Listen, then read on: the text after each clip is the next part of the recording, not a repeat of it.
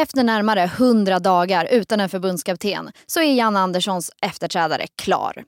Det blir Jon Dahl Tomasson som tar över det här herrlandslaget. Och med mig för att djupdyka i presentationen av den här dansken har jag Linus Petersson och du lyssnar på Expressen Fotboll med mig, Elvira Dietman.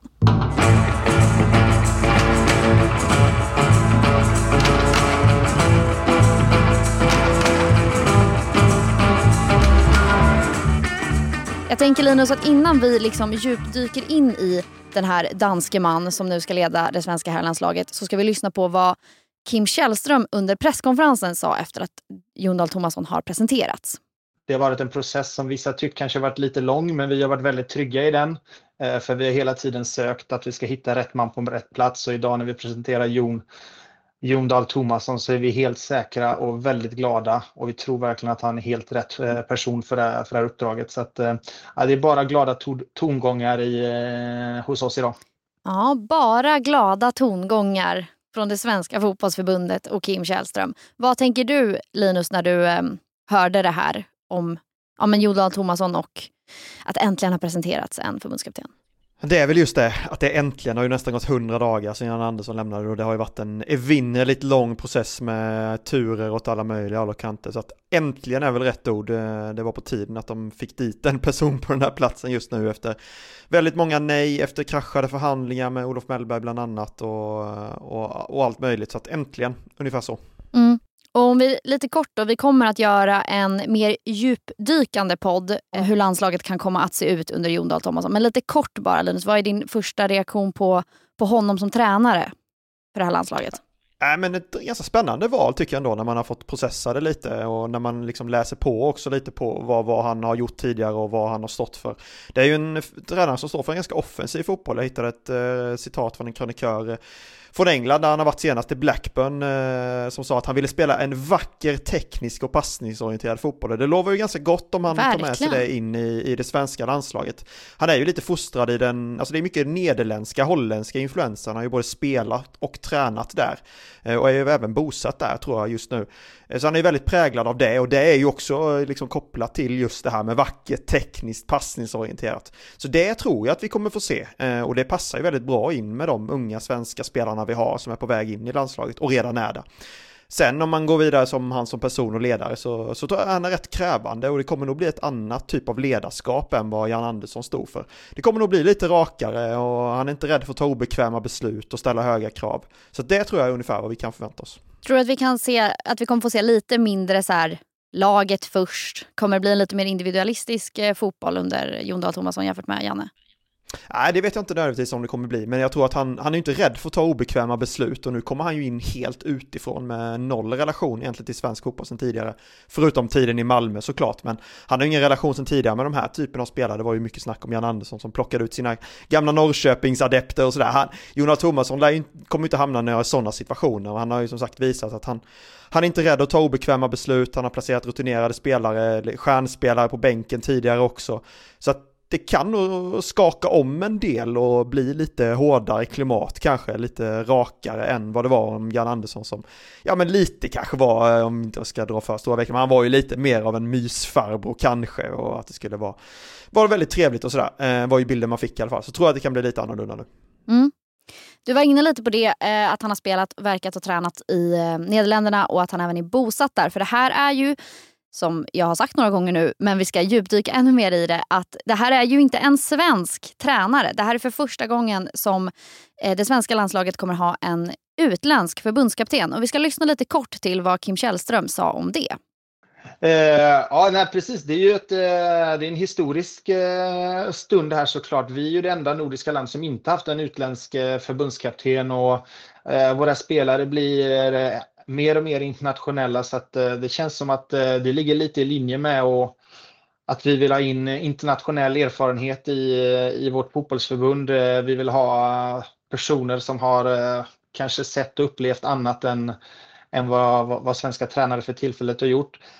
Ja, historiskt och vill ha lite internationell erfarenhet. Vad tänker du när du hör, hör Kim säga det?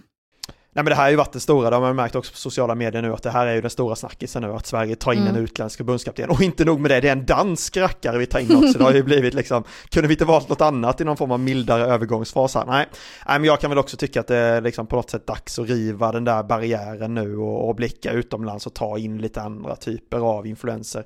Också med tanke på att det då inte har funnits, känner jag, kanske något givet val här hemma. Det var väl Olof Mellberg då kanske, eller Henrik Rydström, men han sitter ju fast nere i Malmö, så att det kändes väl dags på fler sätt. Eh, så att jag tycker de gör, att de gör helt rätt här faktiskt. Att, att, vi, att titta utanför landsgränsen, det, det, det, det gör jag faktiskt.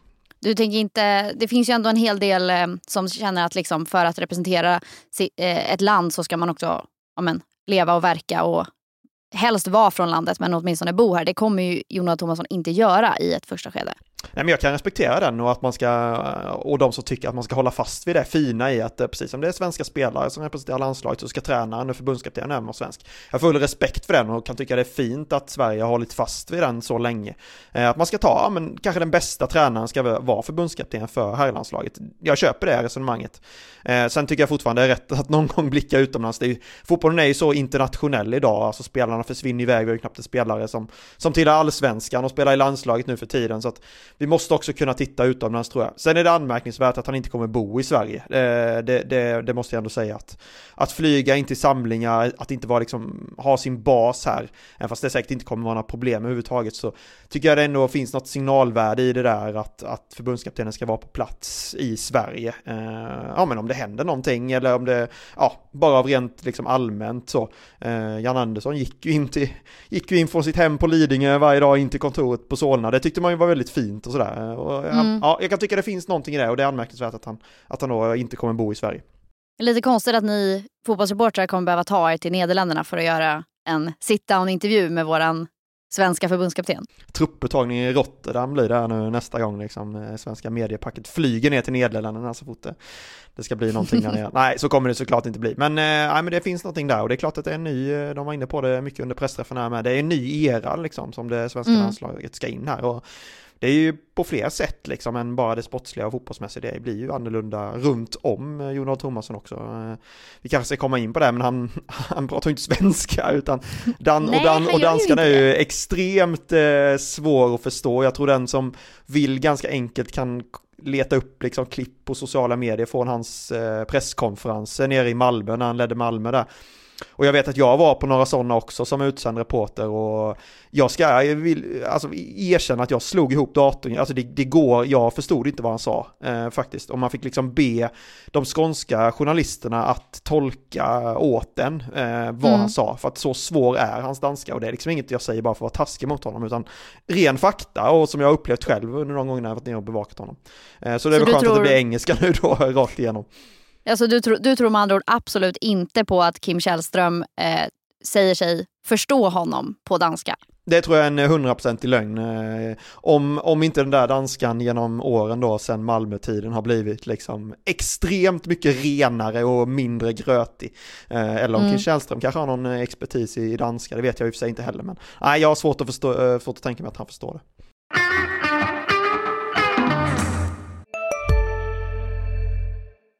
Ja, och här har vi då skyddshandskarna. Varför finns det så många modeller att välja mellan? Ja, du vet, Tegera Pro ska ju passa exakt för varje jobb och därför finns det så många olika. Och glöm inte att rätt skyddshandske gör halva jobbet.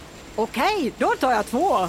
Tegera Pro, skyddshandskar för yrkesproffs. Just nu får du extra hjälp att välja i butik. Gör dig redo för den svenska fotbollssäsongen med Coolbet. Som ny spelare får du upp till 500 kronor extra att spela för. Dessutom får alla som spelar hos oss ta del av Sveriges bästa fotbollsodds. Välkommen till Coolbet, där högre odds ger mer spänning. Regler och villkor gäller. För dig över 18 år. Stödlinjen.se.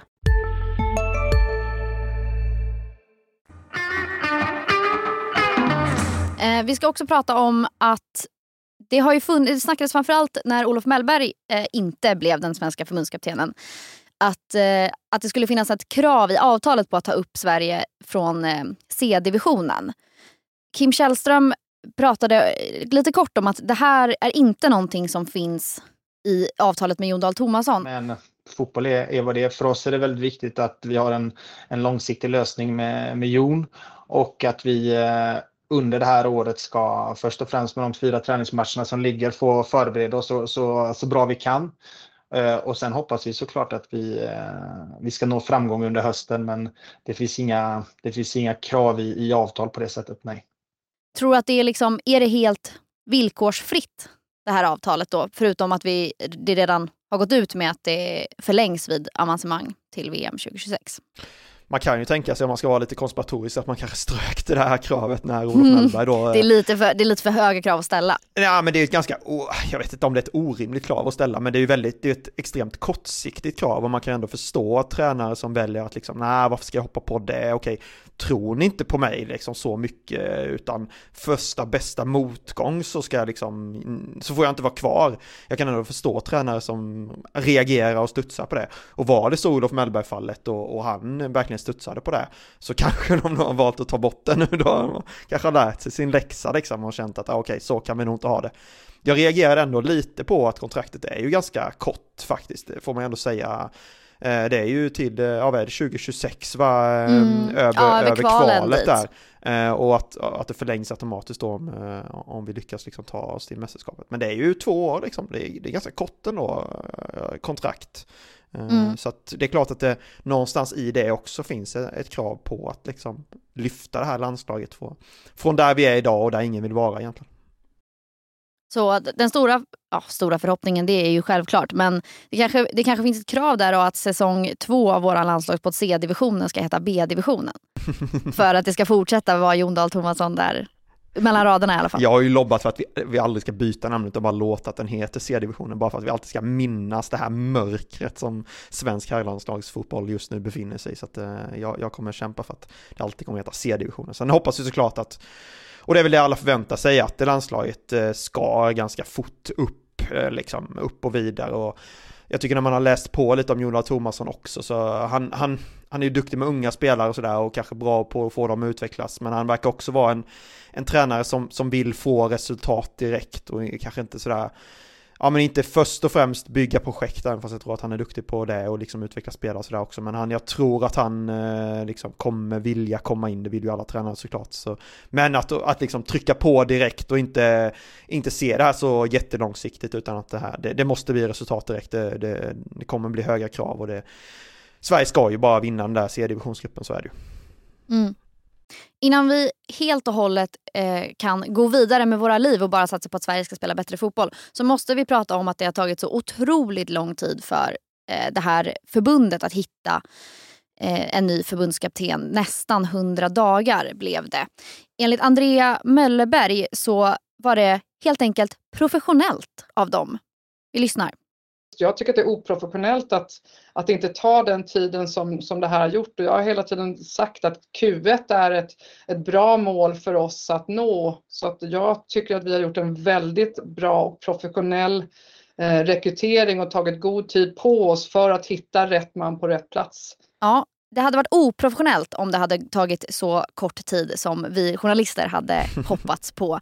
Vad tänker du om det här? Var vi för ivriga eller är det här bara ett sätt att att rädda sitt skinn så att säga. Nej men det är klart att de måste säga så och det är klart att de måste säga att, att Jonas Thomasson är helt rätt person och att det har varit en en perfekt process. Det vore ju konstigt om de stod och sa något annat. Det hade ju gett eh, konstiga signaler, konstiga rubriker och stora Men hade inte det gett lite mer, hade inte det gett ännu mer trovärdighet till dem dock? Att vara lite så här, ja, liksom lite korten på bordet, nu börjar vi om, vi Nej, hade inte, Jag tror det mer, det hade inte mer signalerat deras misslyckande på något sätt, att åh, det här tog, vi klarade liksom inte av det här, utan vi, vi behövde liksom ta hundra dagar på oss innan vi kunde lösa det här. Och, nej, jag tror att det, det, det hade inte gynnat någon att ja, säga så.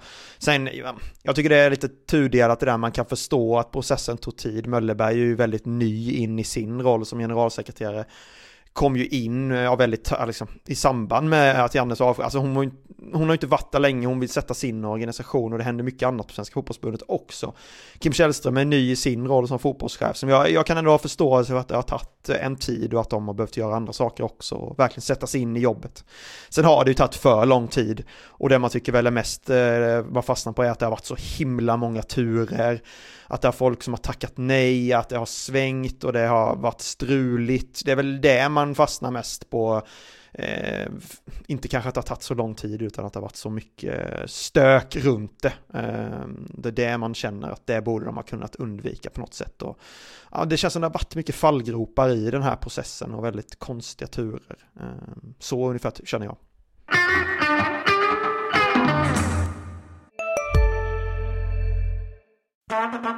Det där var för att uppmärksamma er på att McDonalds nu ger fina deals i sin app till alla som slänger sin takeaway förpackning på rätt ställe. Även om skräpet kommer från andra snabbmatsrestauranger som exempelvis Ma... Eller till exempel Burger... Om en yogamatta är på väg till dig, som gör att du för första gången hittar ditt inre lugn och gör dig befordrad på jobbet men du tackar nej för du drivs inte längre av prestation. Då finns det flera smarta sätt att beställa hem din yogamatta på. Som till våra paketboxar till exempel. Hälsningar Postnord.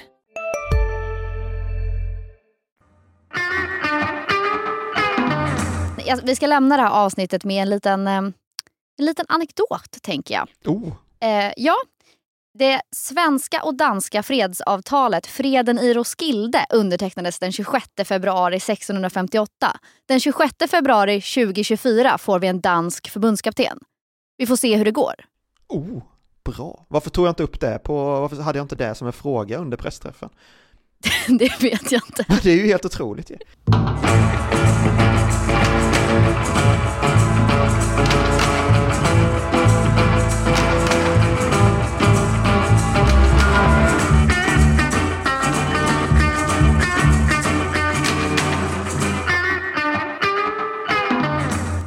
Du har lyssnat på en podd från Expressen. Ansvarig utgivare är Klas Granström.